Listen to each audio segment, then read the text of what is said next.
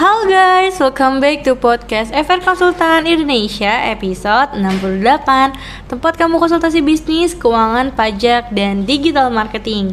Bersama saya, Mutia Neta Di episode kali ini saya akan menemani kalian nih dalam beberapa menit ke depan Yang pastinya dengan topiknya seru dan membangun buat kaum milenial.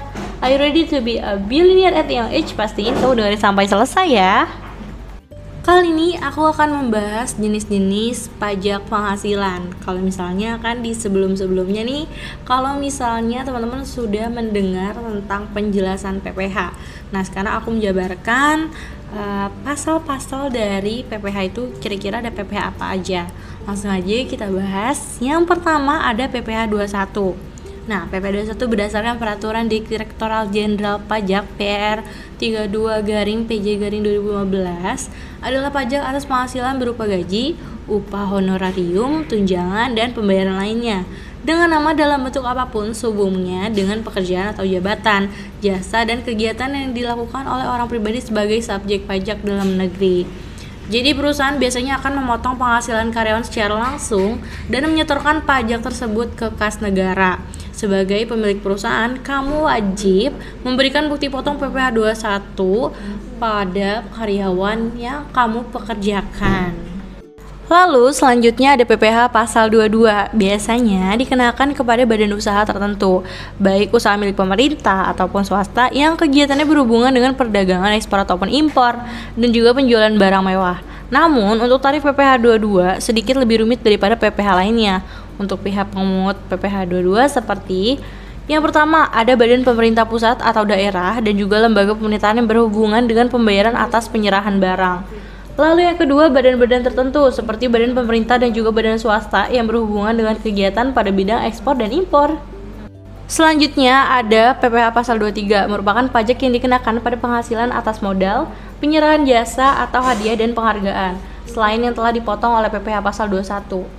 Ini adalah pajak yang dipotong oleh pemungutan pajak dari wajib pajak saat transaksi yang meliputi transaksi dividen atau pembagian keuntungan saham pure royalti, bunga, hadiah, penghargaan, sewa dan penghasilan lain yang terkait dengan penggunaan aset selain tanah ataupun transfer bangunan atau jasa. Next ada pasal PPh 25. Nah, pada dasarnya merupakan angsuran pajak yang berasal dari jumlah pajak penghasilan terutang menurut SPT tahunan PPh dikurangi PPh yang dipotong serta PPh yang dibayar atau terutang di luar negeri yang boleh dikreditkan. Jadi, PPh 25 dibuat dengan tujuan untuk meringankan beban wajib pajak.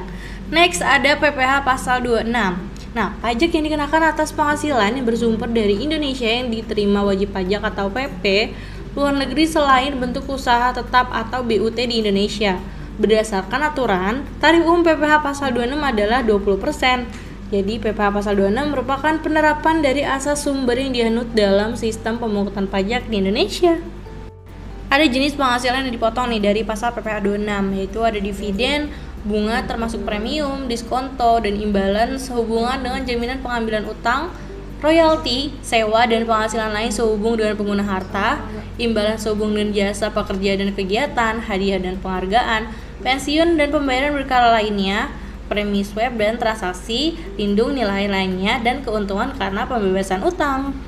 Selanjutnya ada pasal PPh 29 PPH kurang bayar tercantum dalam SPT tahunan PPH, yakni sisa dari PPH yang terutang dalam tahun pajak yang bersangkutan dikurangi dengan kredit PPH, PPH 21, 22, 23 dan seterusnya dan PPH pasal 25. Next ada PPH final. PPH final adalah pajak yang dikenakan kepada badan dengan nilai peredaran bruto maksimal 4,8 miliar.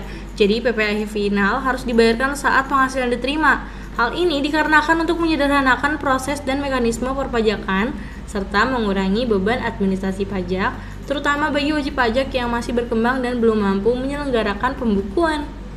Dan yang terakhir ada pasal 15. Jadi pajak penghasilan yang terakhir yang perlu diketahui adalah PPh 15, yakni pajak yang berhubungan dengan norma perhitungan khusus untuk penghasilan yang diterima oleh golongan wajib pajak tertentu seperti pelayaran dan penerbangan internasional, pengoboran minyak, migas, perusahaan asing, perusahaan asuransi luar negeri, dan perusahaan investasi dalam bentuk bangunan guna serah. Jadi itu jenis-jenis PPH yang wajib kamu tahu. Jadi gimana nih kira-kira pembahasan kali ini? Thanks banget ya buat para genset yang udah dengerin sampai akhir di episode 68 ini mengenai jenis-jenis pajak pasal PPH.